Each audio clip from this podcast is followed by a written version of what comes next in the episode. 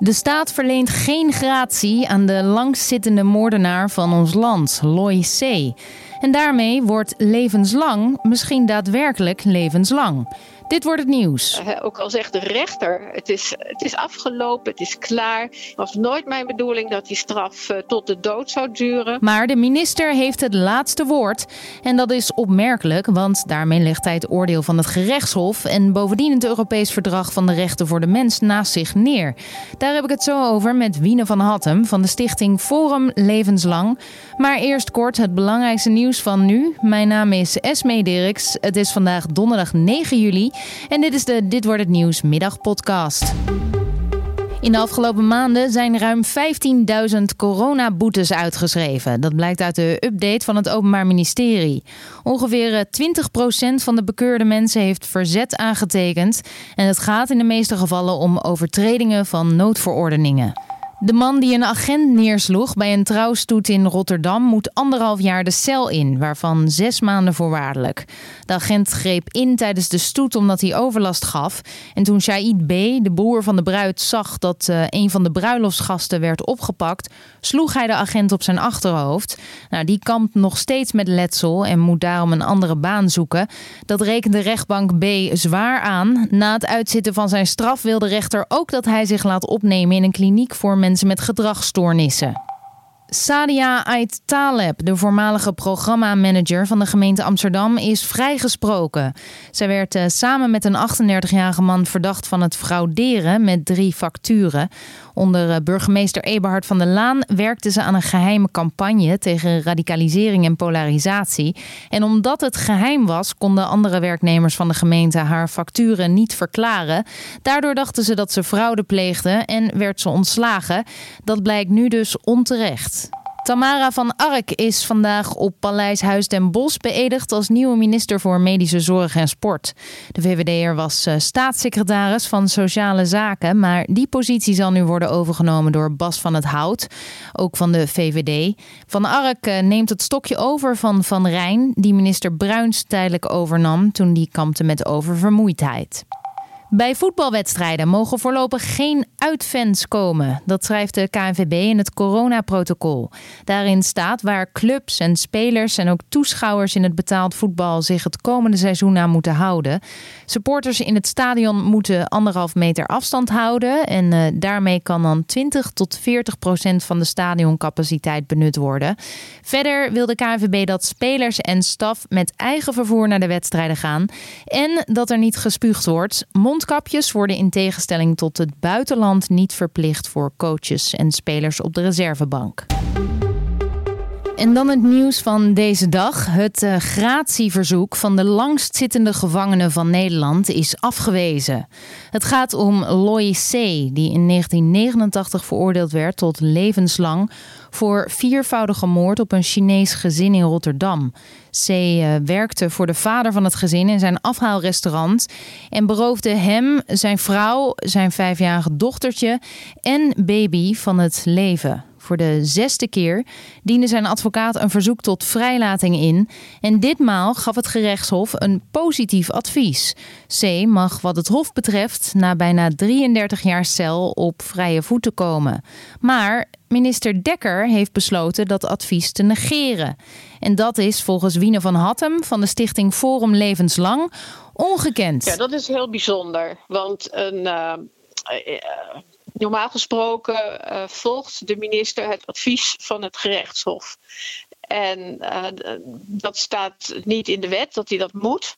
Maar als de rechter zegt uh, dat er helemaal geen redelijk belang meer wordt gediend met de verdere tenuitvoerlegging van de straf, dan uh, zou de minister zich dat ter harte moeten nemen en dan zou hij dat moeten volgen. Dat is ook eigenlijk het uitgangspunt geweest van de wetgeving. Mm -hmm. Maar uh, men is heeft er eigenlijk nooit bij stilgestaan dat die minister zo'n advies niet zou volgen. Wat geeft hij als reden? Dat hij uh, het, het feit te ernstig vindt.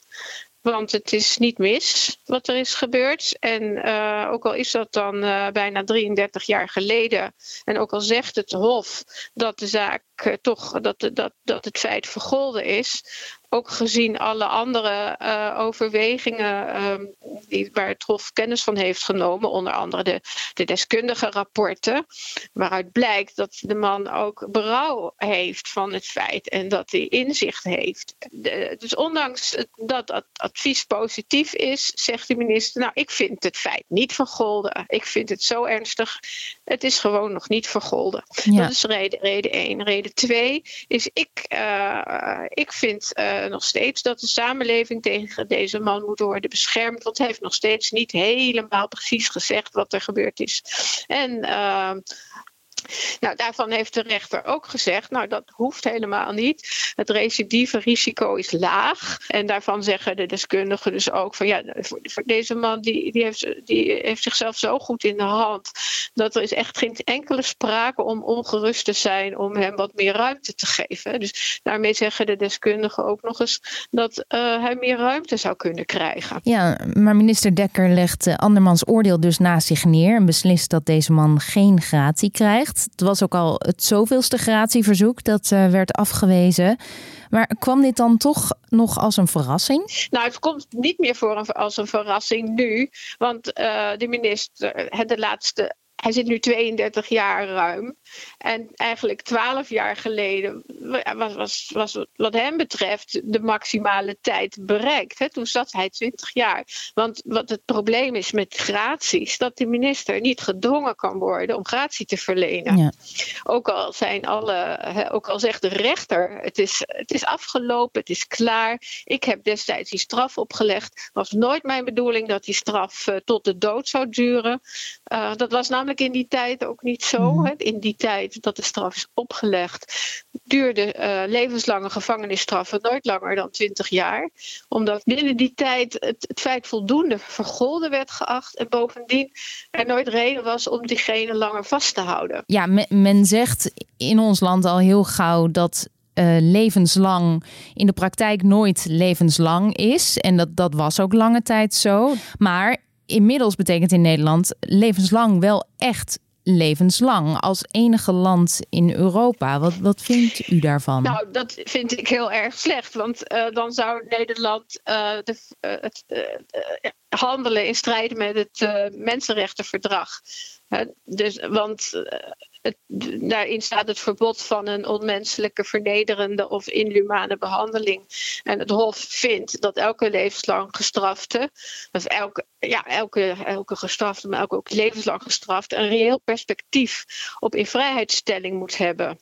En ook feitelijk ingevuld, niet alleen maar theoretisch. En uh, zoals het nu in Nederland is geregeld, is het theoretisch. Want eh, de minister stelt zijn eigen uh, opvatting over wat goed is voor nabestaanden tegenover, uh, nou, dat, dat, dat stelt hij in de plaats van dat van de rechter. Ja, dus hij kijkt naar um, het delict zelf, het delict dat um, jaren geleden is gepleegd. Maar waar zou hij dan naar moeten kijken volgens, volgens u? Hij moet volgens het Hof kijken naar de ontwikkeling van de persoon. En je kunt de tijd inderdaad stilzetten en zeggen van nou, dat was dus uh, 1987. Dus dat is nog steeds even erg. En we doen alsof die meneer uh, nou, dat er niks met hem is gebeurd sindsdien. En uh, de wereld heeft stilgestaan. Dus we blijven alleen maar naar dat delict kijken. Maar zo is het natuurlijk niet. Er is wel een ontwikkeling. Er zijn allerlei ontwikkelingen. En ook in deze persoon. Dus als de straf bedoeld was om de samenleving te beschermen, dan is die straf nu nutteloos. Want je hoeft de samenleving niet meer tegen hem te beschermen. Mm -hmm. En verder vindt het Hof het in strijd met de menselijke waardigheid om iemand geen perspectief te bieden. En in de derde plaats uh, vindt het Hof het uh, disproportioneel als je iemand niet de kans geeft om een, om een delict uit te boeten. Om, echt, uh, om, om daar op een gegeven moment wat te hebben voldaan. Dus dat zijn de redenen van het Hof. Maar waarom is dat dan precies inhumaan. Hij zit daar niet voor niets, kun je zeggen. Het is, het is niet, nou ja. Je kunt, het is natuurlijk ook een filosofische kwestie. Je kunt heel lang over praten hoe lang een feit, uh, hoe lang een straf moet zijn om uh, zo'n delict te vergelden. Sommige mensen vinden dat dat nooit uh, eindigen mag, zo'n vergelding. En het Forum Levenslang vindt dat dat wel moet kunnen. Dat er een einde moet zijn aan de vergelding. Dat je iemand dus wel uh, langer kan vasthouden als hij gevaarlijk is of blijft. Maar um, dat er aan de vergelding een eind moet komen. Ja. Wij denken ook dat nabestaanden, slachtoffers, daar um, geen last van hoeven hebben als je ze meeneemt in het traject. En als je ook maar zorgt dat ook zij de aandacht krijgen die ze verdienen. Want is dat ook zo dat zij in de praktijk uh, worden meegenomen in dat proces? En wat, wat krijgen jullie dan? Terug veel van te weinig. Ja, veel te weinig. Dus, en zeker in, uh, zoals het bij levenslang in Nederland is gegaan, is het heel lang zo geweest dat men dat nabestaanden helemaal van niks wisten en dan opeens iets hoorden.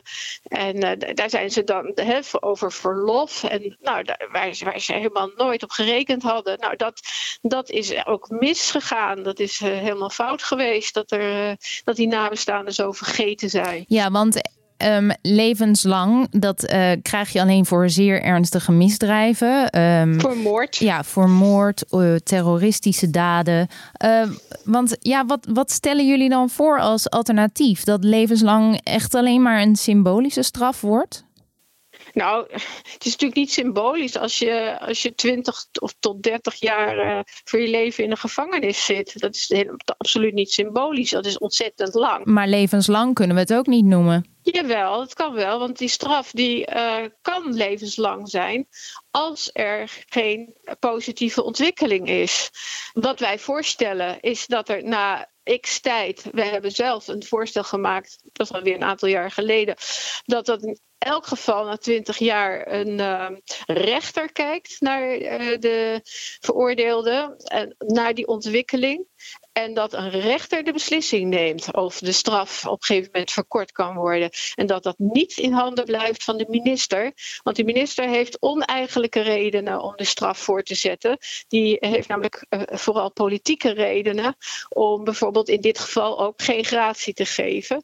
Omdat, ja, als hij dat wel doet, krijgt hij een eh, ongelooflijke, ongelooflijke hoeveelheid kritiek over zich heen. Van burgers. Ja, dus het, het ja, het is makkelijk om, om dus gratie te weigeren. Het is veel moeilijker om gratie te verlenen. Maar in de vorige eeuw heeft elke minister van elke partij wel gratie verleend. En er is uh, nog nooit een uh, geval van recidive geweest onder die mensen aan wie gratie is verleend. Dus dat is, hè, dat vaak een argument van ja, dat, dat, dat is gevaarlijk om ze vrij te laten. Maar uh, levenslang gestraften worden, kregen, kregen in de vorige eeuw geen gratie als dat niet kon. Maar eigenlijk kon het in alle gevallen. Ja, ja. dus er is nooit uh, gebleken dat die uh, beslissing tot gratie, um, uh, dat we daar spijt van kregen. Nee, nee, en er wordt wel altijd gezegd en gedacht, maar het is dus echt een, een onjuiste aanname. Er is geen enkel voorbeeld van. Maar toch, voordat er sprake is van een vrijlating, moet onderzoek worden gedaan en op basis van ja, voorspellingen of verwachtingen uh, wordt iemand dan eventueel vrijgelaten. Maar in de praktijk moet het natuurlijk nog maar blijken of dat uh, de goede beslissing is geweest. Ja, en daarom moet je dus iemand in de praktijk laten, laten zien dat hij dat kan. En daarvoor zijn die verloven. Uh, maar wat wel eens vergeten wordt, is dat een levenslange gevangenisstraf heeft een enorme impact op het individu. Het is een straf die in beginsel dus niet eindigt. Dus het is niet een symbolische straf. Maar het is een straf die in onze ogen gevorm van het Forum levenslang wel beëindigd kan worden als het kan. en um, daarom moet je natuurlijk ook gedurende de jaren van detentie bijhouden hoe iemand zich ontwikkelt. En eh, als je nou ergens dat goed kan bijhouden, dat is als je in een gevangenis waar je iemand dagelijks ziet en dagelijks om ziet gaan met andere uh, moeilijke mensen, meestal niet de makkelijkste, en uh, in een moeilijke situatie. En daar kan je echt wel iemands gedrag meten. Maar daarnaast komt er natuurlijk natuurlijk nog dat onderzoek door uh, gespecialiseerde deskundigen. En eventueel nog één en eventueel nog één. En zoals in dit geval is dat vijf keer gebeurd. En er is in al, nou ja, dat is dus, dat, dat, dat wordt echt heel erg goed onderzocht. En vervolgens wordt die, die verloven gegeven. En dan blijkt dat die verloven heel goed gaan. Dat je iemand heel veel vrijheid kan geven. Zonder dat hij daar misbruik van maakt. En Louis C. is dus geslaagd, maar moet toch nog in de gevangenis blijven van de minister na meer dan 30 jaar. Is hij de enige voor wie dit geldt? 32 jaar of vanaf 1997. Nou, dan, dan ben je eigenlijk degene die het langst uh, gedetineerd is in Nederland als, als straf. Hè? Want je hebt natuurlijk ook TBS'ers die, uh, die nog langer zitten. Maar die zitten niet uit oogpunt van vergelding en straf, maar, uh, maar die zitten uit oogpunt van uh, bescherming van de samenleving en resocialisatie. En nou, sommige mensen zijn toch niet te resocialiseren en die blijven dus zitten tot ze sterven. Dus um, er zijn wel mensen die nog langer zitten, maar dit is een, dit, deze meneer gaat, ondergaat een straf. En die uh, straf is gebaseerd op vergelding voornamelijk. En uh, ook nog steeds zegt de minister beveiliging. Maar er is uh, geen mens die vindt dat hij een gevaar vormt voor de samenleving. De inrichting niet, de directie niet, de staf niet, de deskundigen niet, de rechter niet, niemand. Dat was Wiene van Hattem, oud-universitair docent strafrecht aan de Rijksuniversiteit in Groningen en voorzitter van de stichting Forum Levenslang. Dan nog het weer. In uh, het midden en noorden van het land is het grijs en valt er van tijd tot tijd uh, regen of motregen. In het zuiden is het uh, wat droger en daar is het ongeveer 20 tot 23 graden. Op andere plekken in het land is het 15 tot 18 graden, een stuk koeler. De wind komt voornamelijk uit het zuidwesten en is matig tot krachtig langs de kust. Morgen, vrijdag, begint bewolkt met vooral in het noorden kans op regen. En uh, in de middag wordt het dan wat rustiger en gaat vanuit het westen de zon vaker schijnen. Het wordt dan 16 tot 19 graden. En dit was de Dit wordt het nieuws middagpodcast van nu.nl. Laat weten wat je vindt. Dat kan door te mailen naar podcast@nu.nl en laat even een recensie achter op uh, Spotify of uh, Apple Podcasts of waar je de podcast ook luistert. We horen het graag. En uh, morgenochtend zijn we er weer met een nieuwe aflevering van Dit wordt het nieuws. Fijne avond.